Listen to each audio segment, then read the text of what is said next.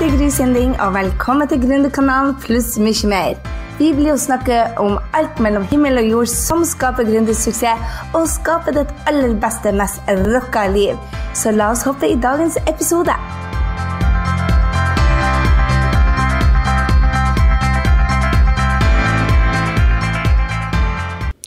Vi er altså kommet til Gründerkanal nummer 48, og i dag så skal du få møte en stor inspirasjon og en god venn, Truls Berg. Truls er altså eh, CEO og direktør av Digital Innsikt, og de er et investorfirma som hjelper nye gründere, og hva er vel ikke mer perfekt enn det akkurat her på Gründerkanalen. Han er også editor in chief, for å si det sånn, på eh, Tre Inn, som da er et eh, magasin for inspirasjon, innovasjon og innsikt. Han er forfatter, og i det hele tatt er han en fyr som er utrolig kunnskapsrik og likende. Så jeg vil ikke si så veldig mye mer enn hopp i dette intervjuet og nyt. Og så må jeg jo bare legge til det at jeg får jo han Truls til å høres ekstremt gammel ut, uh, i og med at jeg tulla litt med det at han er far til EDB-alderen. Men jeg må jo tenke på det, jeg òg. Og kanskje du husker det, at uh, vi var ikke akkurat født med datamaskiner, vi. Sånn som våre unger er. Så uh, jeg fikk en liten reminder om at dataalderen er ikke så veldig, veldig gammel. Og da datamaskinen kom, som han Truls forteller, så var det jo noen som mente at ingen hadde vel bruk for en datamaskin hjemme. Og her sitter jeg med tre stykker. Så eh, bli inspirert og eh, nyt dette intervjuet med selveste Truls Berg. Hei, Truls, og velkommen. Tusen takk. Du, fortell litt om Truls, og hvorfor tre inn? Ja, de to tingene henger faktisk litt sammen. Min bakgrunn er jo at jeg har startet opp en del selskaper. Og for en del år tilbake så valgte jeg å gå fra en konsernsjefstilling, og jeg skilte meg for så vidt også i den prosessen. Og da ville jeg bestemme meg, og det gjorde jeg, for å bruke mer av tiden på de tre viktigste tingene som jeg fant ut, i tillegg til barna. Det var inspirasjon, innovasjon og innsikt. Og siden alle disse tre starter på I-en, så ble det jo da tre inn. Og så ble det om å gjøre å bygge opp en, en portal eh, hvor man jo for så vidt da trer inn i en verden som eh, fokuserer på disse tre viktige, viktige verdiene, etter min mening. Mm. Så det er eh, kort sagt bakgrunnen. Så det ligger litt sånn i, i, i, essensen i hva jeg tror er de viktigste verdiene fremover. Uten inspirasjon, innovasjon og innsikt så kommer vi ikke til å lykkes i fremtiden. For gründere og for ledere? Definitivt. Jeg ser ingen ja. forskjell på det. For meg så er en gründer en som skaper verdier, og det bør også en leder gjøre. Mm. En leder som ikke skaper verdier, han, bør, han eller hun bør flyttes på. Finnes noe, ja. Finne noe å gjøre. Faktisk. Men kan jo verdier være mye mer enn bare kroner og øre, selvfølgelig. Men, men det handler jo egentlig om å, om å, bygge og skape verdier. Du har også skrevet bok. Ja. Opptil flere. Jeg har skrevet to. Uh, ja, den er ikke det er, ja, det er, det er Jo, den er min, men det er den jeg noterer i. Det er, der, det er, det er råvarene til det som blir bøker. Men du har, du har skrevet to? har du sett? Jeg har skrevet to bøker. Ja, jeg skulle til å si det. Jeg, jo, jeg vet Så. jo det. Så du har vært en, du har vært en mannsalder allerede i IT-bransjen? Å, oh, det hørtes skummelt ut. Ja, det, det, er jo det, det, er ikke mange som har vært så lenge i IT-bransjen som du har. Eh, jo, jeg håper da inderlig det. Eh, jeg hadde jo gleden av å være styreleder i Dataforeningen når man feiret 50-årsjubileum. Eh, og da var det en som fortalte meg at jeg var den yngste styrelederen i historien til Dataforeningen. Men, men jeg var vel ikke mer enn 35 år da, så er nok, det er mange som har vært med lenger på den norske IT-reisen.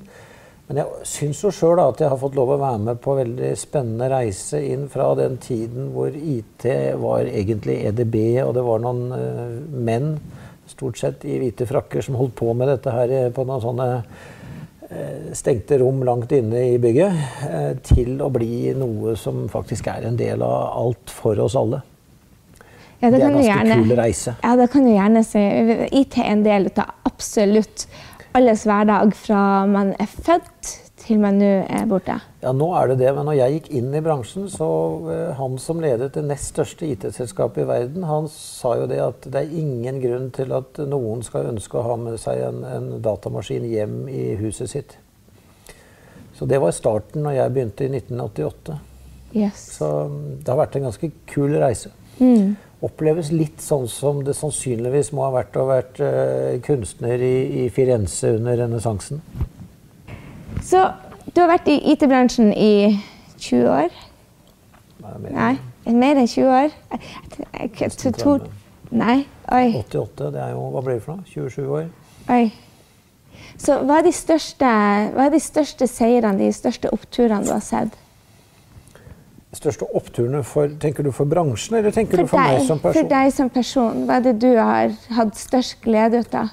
Og jeg føler at jeg har hatt ganske mange fine oppturer, men eh, det er jo klart at eh, altså, veldig, veldig, ofte så er jo seirene og for så vidt også nederlagene koblet med, med personer man jobber sammen med. Og eh, nå har jeg startet opp eh, tolv ganger, men jeg har jo aldri startet aleine. Jeg har alltid startet sammen med noen. Eh, og det er klart at noen mennesker imponerer deg umåtelig hva de får til. Og, sånn sett så er det gøy å se.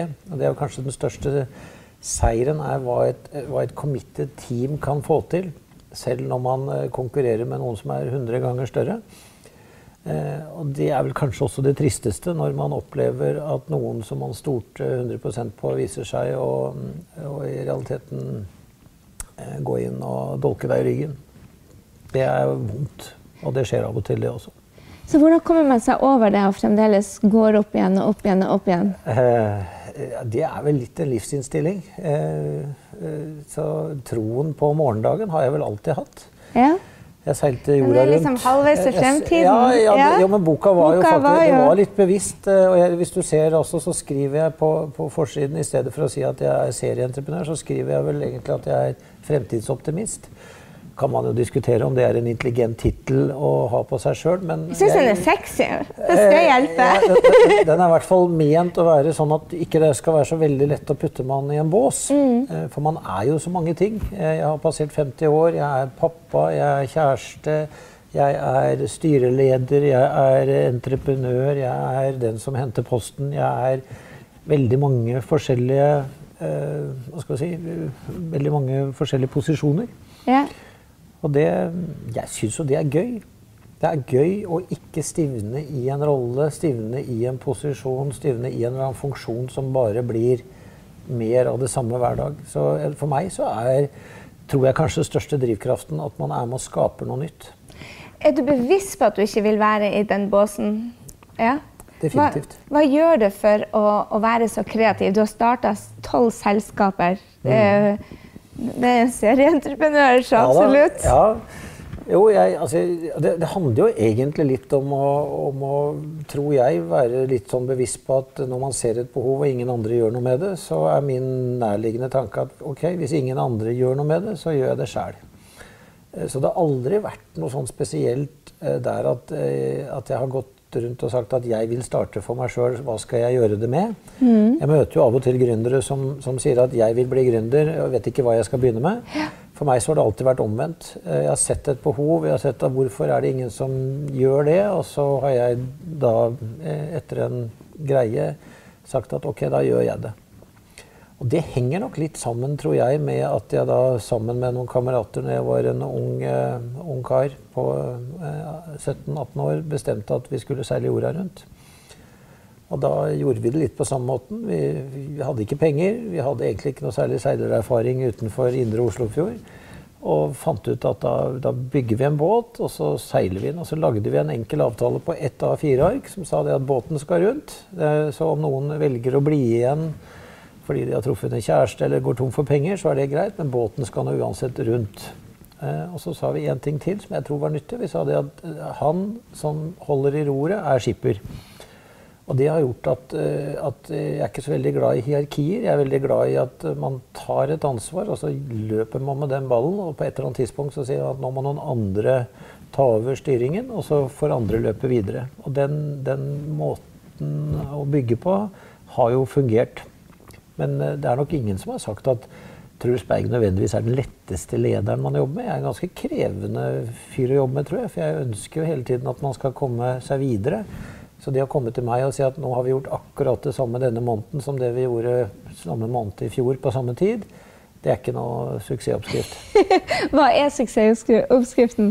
Jeg tror rett og slett at uh, man hele tiden må være villig til å si at ok, nå har vi fått til dette, og det er bra, og så må vi ville noe mer og prøve å få til noe mer. Så, så i vekst uh, så ligger jo veldig mye av dette som er med og utfordrer oss.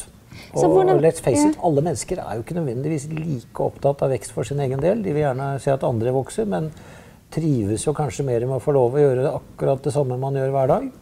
Og jeg tror noen jobber er veldig greit at det er sånn. Jeg er for veldig, det er veldig godt å vite at når man setter seg et fly, så er flymekanikeren der at han går gjennom samme sjekklisten hver dag. Ikke skal være så forbaska innovativ på akkurat hva han, eh, hva han, gjør og hvilke ledninger han skal sjekke. Eh, men for min del så tror jeg jeg ville vært en dårlig flymekaniker og er nok en bedre virksomhetsbygger. Mm. Så hva tror du er, gjør at du er så kreativ? For det bobler jo.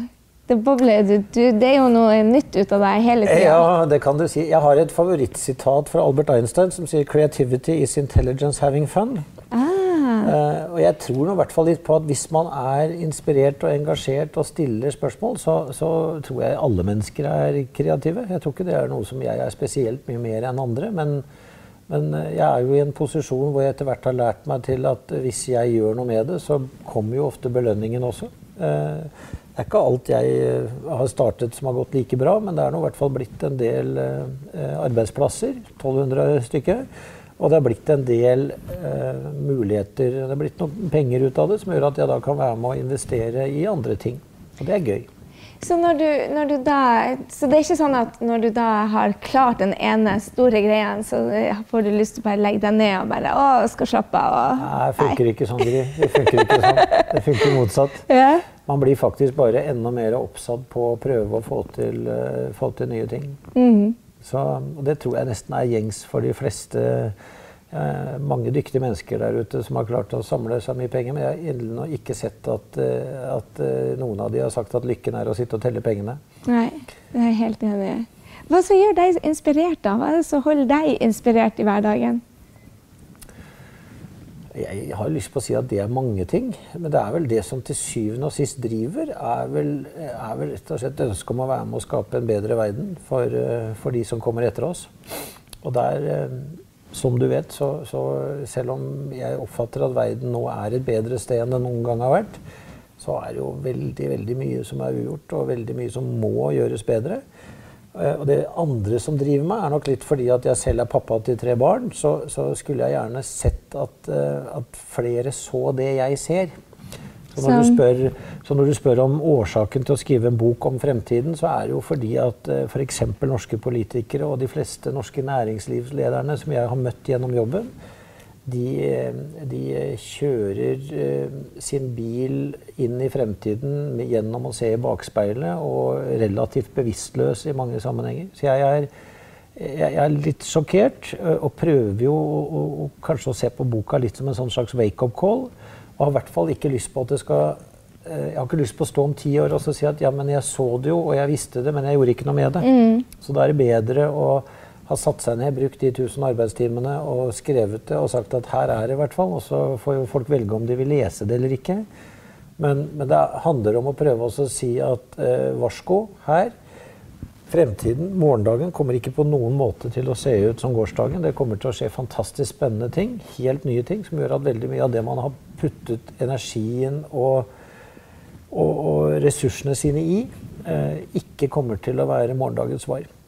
Så Norge ser jo allerede den store endringa. Altså, vi hang jo, mens USA allerede er ferdig med finanskrisa, så dipper vi litt ned nå.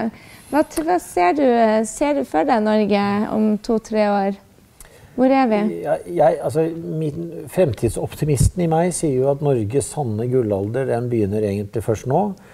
Uh, pessimisten i meg sier jo at uh, hvis mange nok mennesker fortsetter å gå rundt i en sånn tornerosesøvn og ikke skjønne at, uh, at, vi må gjøre ting helt annerledes, da, da, kommer det ikke til å gå bra. Så, så, jeg er jo litt der, og det tror jeg kanskje er den sunne, sunne måten å se det på. At, at fremtiden kan være både et fantastisk spennende sted, men det er også et ganske skummelt sted. Og så er det litt opp til sånne som deg og meg at vi da prøver å være endringsagenter. Og så får vi prøve å hjelpe de som ikke ser det på egen hånd, til å i hvert fall sørge for at det man har av muligheter, kan utnyttes, og at man holder seg unna farene. Mm. Så eh, tror du det blir flere gründere eller færre gründere i Norge nå? Definitivt. Eh, vi er i ferd med å bevege oss i retning i det jeg liker å kalle innovasjonsalderen. Og det betyr at vi kommer til å se mange flere gründere. Eh, både fordi at det er noe av det mest utrolig spennende man kan gjøre. Det er jo en personlighetsutviklingsreise av dimensjoner. Mm. Men samtidig så vil også flere og flere oppdage at den trygge jobben, trygge i anførselstegn, som man eh, hadde, den er ikke der i morgen. Og så vil de i større grad da måtte skape seg sin egen arbeidsplass. Og når de da gjør det, og gjør det med rette innstillingen, så vil de jo oppdage at de faktisk eh, ikke, går, ikke, bare går fra å måtte gjøre noe til å kunne trives med det, men man vil jo også faktisk kunne utnytte muligheter på en veldig spennende måte. Så jeg tror at, eh, at vi i Norge i litt for stor grad fortsatt er der at vi syns det er veldig trygt å ha en jobb, eh, og ikke helt alle sammen har innsett hvor, hvor fantastisk det er å kunne få lov å være med å skape en jobb. Mm. Tror du vi blir lykkeligere av å være gründer, eller å få flere gründere? Ja, jeg tror i hvert fall vi blir lykkeligere. Jeg tror ikke alle nødvendigvis må være gründere for å lykkes. For jeg tror mm. også hvis du skal lykkes som gründer, så må du ha med deg noen som faktisk har lyst på å jobbe sammen med deg. Så hvis alle skulle være gründere, så, så var det jo ingen igjen til å bygge sammen med. Eh, men jeg tror at så lenge man kan få lov å bruke av seg selv på en sånn måte at det er og gir energi, så vil man bli lykkeligere. Mm. Og det er altfor mange i Norge som fortsatt går på jobb eh, med en sånn slags autopilot og går hjem igjen og, og, og engasjerer seg i det private, men, men velger å, å, være på autopilot jobbmessig. Jeg leste en annen plass at det var flere hundre tusen nordmenn som ønska å starte for seg sjøl, mm. men tør ikke. Mm. Hva, hvordan skal vi hjelpe dem for å få dem ut til å satse litt mer? Og er det en, en løsning for alle de hundretusener som ønsker er det smart av de å, plutselig starte for seg sjøl? Nei, jeg tror ikke at alle skal starte for seg sjøl. Jeg tror ikke det, det, det, krever mye. Eh, det å være gründer er ingen rask vei til verken penger eller lykke. Eh, men jeg tror at hvis man sitter og har det der brennende ønsket om å gjøre noe som ingen andre allerede gjør, som man har lyst på å jobbe sammen med, ja vel, så skal man i hvert fall ikke lage det til noe, til noe mer truende enn at man sier 'prøv det, da vel'. Mm. Eh, men jeg tror også at eh, i stor grad så skal man, eh, så skal man sørge for at folk i hvert fall er litt mer bevisste på hva de da gjør. Mm. Og så kan man jo f.eks. være delvis gründer mens man går på skolen, eller mens man tar noen kurs, eller mens man jobber i det offentlige. Eh, og det tror jeg vi vil se mer av etter hvert. At, eh, at, man har en jobb, og ved siden av jobben så starter man opp noe. Og på et eller annet tidspunkt så, så faser man det ene mm. opp og det andre ned. Ja, for Tidligere så var jo det tabu. Når du hadde ja. jobb, så skulle du bare gjøre det. Hvis ikke så var du illojal mot arbeidsgiver. Ja. Og det er ikke mange år siden. Neida. Og nå er det helt enda seg. Så det som vi trodde var rammebetingelsene tidligere, de er borte. I hvert fall for veldig mange. Ja, de er i endring. Eh, og det er, det er selvfølgelig det er, det er, altså Vi som mennesker vi tror ofte at vi er så endringsvillige og endringsdyktige, men sannheten er jo at vi, vi stritter stort sett imot endringer. Eh, så det er på en måte en sånn ryggrefleks som vi kanskje i større grad må lære oss å koble ut. Og, og trene det opp, eh, rett og slett. Og si at vi er litt flinkere til å gjøre nytt og gjøre nye ting og med nye folk. Og så heller tåle å gå på trynet litt mer enn det vi kanskje i Norge har hatt for vane å kunne snakke om, da. Dette systemet som vi bygde oss opp, det er, vi har jo et fantastisk system som tar vare på de som ikke vil gjøre noe. Um, ja, har vi det? Ja. Ja, jeg vil påstå det. Jeg, jeg selv, eh, jeg ble syk og var to år på Nav, eller halvannet mm. år på Nav. Mm. Og jeg skulle ønske at noen kutta lønna mi med 50 sånn at jeg mhm. fikk motivasjon. For jeg mangler, jeg klarte ikke å finne motivasjon sjøl til å gå. Har noen sagt til meg det at du får bare halvparten, så tror jeg at jeg hadde fått ræva i gilet tidligere.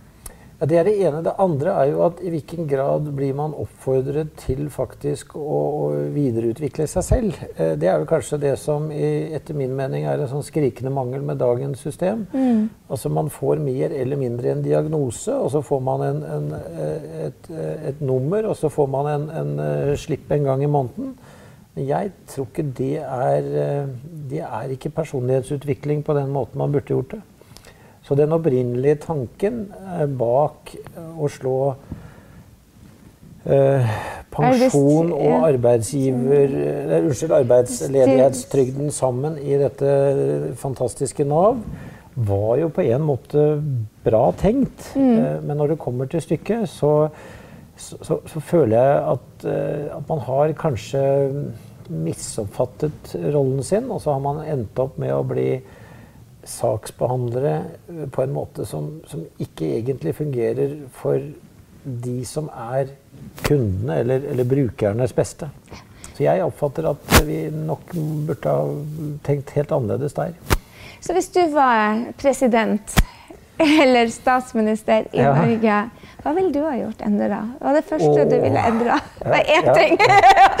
Bare et døgn? Da ville jeg aller først forlenge det døgnet. For jeg tror, er, jeg tror, det er, fullt mulig å gjøre mye mer enn det som i dag gjøres. Men jeg tror, altså jeg tror det er, det er, Erna Solberg har ingen enkel jobb sånn sett, men jeg tror den største, største fellen som dagens politikere går i, den er at de, de, driver og flikker rundt og spikker på ord i stedet for å faktisk sette seg ned og si at vi kan gjøre en forskjell, og den forskjellen kan vi like godt gjøre med en gang. Så jeg ville jo jeg ville satt meg ned og gjort ganske mange ting. Det er f.eks. ingen grunn til at man skal bruke tre år på å diskutere om man skal slå sammen 429 kommuner. Eh, der skulle man tatt og gjort som danskene gjorde. De, de, hadde dette klart og implementerte det i løpet av 50 dager etter at de gikk i regjering. Eh, det er jo gitt når man setter to ordførere og to rådmenn og to administrasjoner til oss når de sitter og diskuterer, så må man jo huske på at de diskuterer sin egen jobb. Mm. Og da er du per definisjon inhabil. så vær så snill, sørg for at man bare fikk gjort den type ting. Eh, gjøre om eh, måten vi lærer på, måten vi, eh, vi utvikler Altså skolevesenet i Norge er jo en fantastisk maskin som kunne ha fungert veldig bra. Vi er den, det landet i verden som putter inn mest penger i skolen. Men det vi får ut, er jo nesten 40% skoletapere. At man kan holde på sånn uten at noen blåser i hornet, det, det overrasker meg. Syns du at norske politikere er feige? Eh, definitivt. Jeg synes og det gjelder eh, uansett hvilket parti de kommer fra, så syns jeg det er mye, mye, bra idealisme i starten. Men når de kommer i posisjon, så syns jeg de, eh, de blir hva skal jeg si, tafatte og ender opp som sånne høytlesende eh, dokument...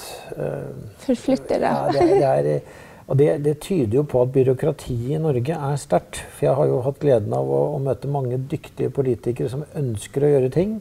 Inkludert mange av de som i dag sitter på ministerposter. Eh, men når du måler de på hva de får gjort, eh, så er jo, eh, så er jo det er så tafatt og så trist at man helt uh, mister motet, faktisk. Hva tror du det kommer ut av? Er det ikke mye endringsglede, som Petter Stordalen ville ha sagt? nei, det er jo Altså, sannheten er jo at det er lettere å få kjeft i dette landet enn å få skryt. Uh, og de som skryter, de er mye mindre taleføre eller mye mindre høylytte enn de som, uh, enn de som slåss for det bestående. Hvis du som politiker skal slåss for endring, så må du jo flytte på noe av det som er dagens uh, situasjon. Og så lenge vi har laget oss et samfunn som har pressgrupper for nesten alt som er det bestående, ja vel, så, så medfører det å, å, flytte seg inn i morgendagen en del kostnader. Det vil være pressgrupper der ute som ikke liker det. Og når pressgruppene kan gå ut og kjøpe de beste ekspolitikerne og bruke millioner av kroner på å motarbeide enhver endring, ja, så har vi bygget oss et ineffektivt eh, og delvis korrupt system som faktisk eh, bevarer fortiden i stedet for å gjøre oss klar for morgendagen. Mm. Så akkurat der er jeg må innrømme litt, eh, litt pessimist. Eh, norske politiske systemet er ikke bygget for å takle den endringstakten som vi må ta inn over oss. Så hva er neste for deg å tre inn, og hva er fremtiden? Hvordan ser morgendagen ut? Hva er dine visjon? Ja, nå vet jeg ikke om tidspunktet er å si men Vi sitter allerede og er i gang med en ny bok. Eh, og den heter som arbeidstittel 'Ny tid, eh, nye muligheter', men har også som, som undertittel en helt annen, krever en helt annen måte å forholde oss til problemene på. Og det er, eh, den, den, er kommet så kort at hva som blir endelig tittel, det skal jeg ikke sitte her og, og si, men, men, det handler egentlig om å prøve å peke på alt det flotte som skjer rundt omkring, men som faktisk ikke får nok oppmerksomhet. Og det medfører jo igjen at dagens politikere får altså ikke nok input om hva som fungerer, og, og ender opp med feil virkelighetsbilde. Det er den andre, andre, delen av det. Det gjelder jo ikke bare politikerne. Det gjelder undervisningssektoren vår, det gjelder helsesektoren vår, og det gjelder ikke minst også da næringslivslederne. Det er for lite fokus på alt det flotte som faktisk fungerer, og altfor mye fokus på, på, de få tingene som, eh, som, faktisk da ikke fungerer. Så heiing er også forbudt for menn i dress? Det er veldig lite heiinger generelt i Norge. Ja, det har blitt litt en sånn damegreie, kanskje. Det at ja. man må heie på hverandre. Ja, det, jeg, da, tror, jeg tror ikke, skal... altså, Mer applaus, mer heiing eh, er bra, men man skal jo ikke nødvendigvis heie bare fordi at det, er, at det blir feil hvis det blir for mye av det andre veien òg. Men at vi kan det bli for mye heiing, Truls? Ja, det kan det bli hvis det blir en sånn der eh, At, at det blir litt sånn eh, fordummende. Det, det kan man ja, Det er f.eks. For, for mye heiing på, på Paradise Hotel-lignende TV-programmer. Vi fyller også, vi fyller også TV-skjermene til den oppvoksende slekt med med fordummende TV-programmer som gjør at de lærer seg opp til hvordan de ikke skal behandle andre mennesker. Mm. Eh, eller sagt på en annen måte, de, de, lærer seg opp til hvordan de skal navigere på en måte hvor man bruker andre mennesker i stedet for å oppføre seg på en skikkelig måte. Så at vi, og i den grad det skal kunne heies på, så vil jeg si at da, det, det, la oss få det der bort på en TV-kanal ingen gidder å se på. Ja. Så jeg mener jo helt ærlig at, eh, at vi i stor grad bruker de felles ressursene vi kunne ha brukt bedre, på feil måte. Mm. Det gjelder både med gründere. Eh, gründerne får ikke den hjelpen de skal få i dag. Man har stort sett bygget seg et ineffektivt offentlig system hvor byråkrater som kommer klokka ni og går klokka fire, skal prøve å hjelpe gründere og hvis du spurte disse byråkratene, så ville de jo aldri innrømme at de noen gang var i nærheten av å tørre å starte for seg sjøl. Så hvordan du skal kunne som byråkrat bistå en gründer når du sjøl ikke kunne tenke deg tanken på å gjøre det gründer har gjort, mm. er jo i utgangspunktet litt merkelig.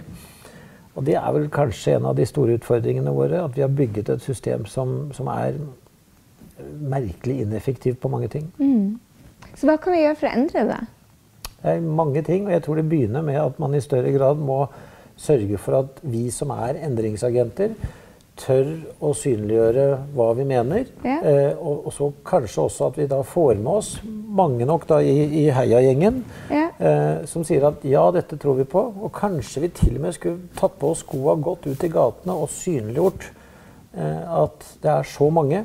Du snakket om et tall her i stad. Altså, hvis det er 500 000 nordmenn som vurderer å starte opp for seg selv, som en undersøkelse i april eh, viste, mm. som DNB sto bak. Eh, hvis det er riktig, hvis 500 000 nordmenn prøver å forbedre sin hverdag gjennom å starte opp noe på egen hånd, eller i hvert fall vurderer det, så er jo det fantastisk flott. Men da bør jo noen reise seg opp og si at nå må vi håndtere den, de 500 000 på en helt annen måte enn det vi gjør i dag. Per i dag så, så er det så ineffektivt at det er, det er, det er trist sånn som vi fungerer. Og det prøver vi i Treen å gjøre noe med gjennom å få fram historiene og gjennom å synliggjøre og invitere da til litt større debatt og, og oppmerksomhet på, på, hva som skjer. Men selvfølgelig så utfordrer vi også da det bestående. Så dagens virkemiddelapparat de er jo ikke helt glade for, for Treien. De syns at Treien eh, ikke nødvendigvis har skjønt noe som helst, og skriver for lite om alt det flotte som de holder på med. Mm. Man møter motstand uansett hvor man er. Ja, det, det, det, er jo kanskje et av kjennetegnene på en god gründer. At en ja. gründer er vant til å møte motstand og tåler å møte motstand. Og tar egentlig også og trekker ut litt energi fra den motstanden. Mm. Og så fortsetter man videre fremover. Så hvordan kan man vite det om man er La oss si disse 500 000 som vi har lyst til å, å starte. Hvordan vet man om man har det som Hva tror du skal til for å lykkes som gründer? Ja, for det første så tror jeg ikke at alle gründere lykkes med å skape en suksess, men de kan lykkes med å lære noe som gjør at de utvikles, og kanskje da lærer noe som gjør at de rundt neste sving kan lykkes på en annen måte. Så er det jo mange måter å lykkes på, da, Gry. Mm.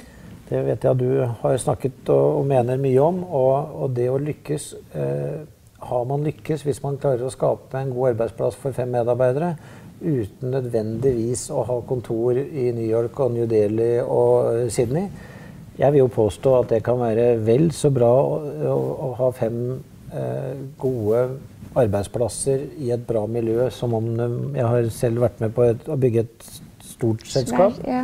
Og jeg vil påstå at vi hadde det vel så hyggelig og vel så gøy når vi var under 20 ansatte som når vi var over 200. Ja. Eh, så, så, igjen dette med at lykken kanskje har mange ulike definisjoner. Mm. Yes. Tusen, tusen, hjertelig takk. Du har vært fantastisk, Truls. Siste spørsmål. Hva er ditt råd nå til gründerne? Har du et hot tips til hva de kan tenke på før de skal hoppe ut i sin nye rolle? Jeg tror egentlig det aller viktigste rådet etter å ha gjort dette her en del ganger, er å, å lytte til egen magefølelse. Og ikke la seg bli verken eh, kunstig oppildnet av at andre eh, skryter for mye, eller, eller bli deppa av at noen sier at dette her kommer aldri til å gå.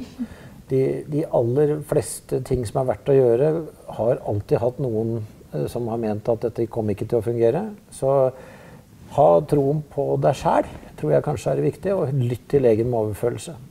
Tusen hjertelig takk.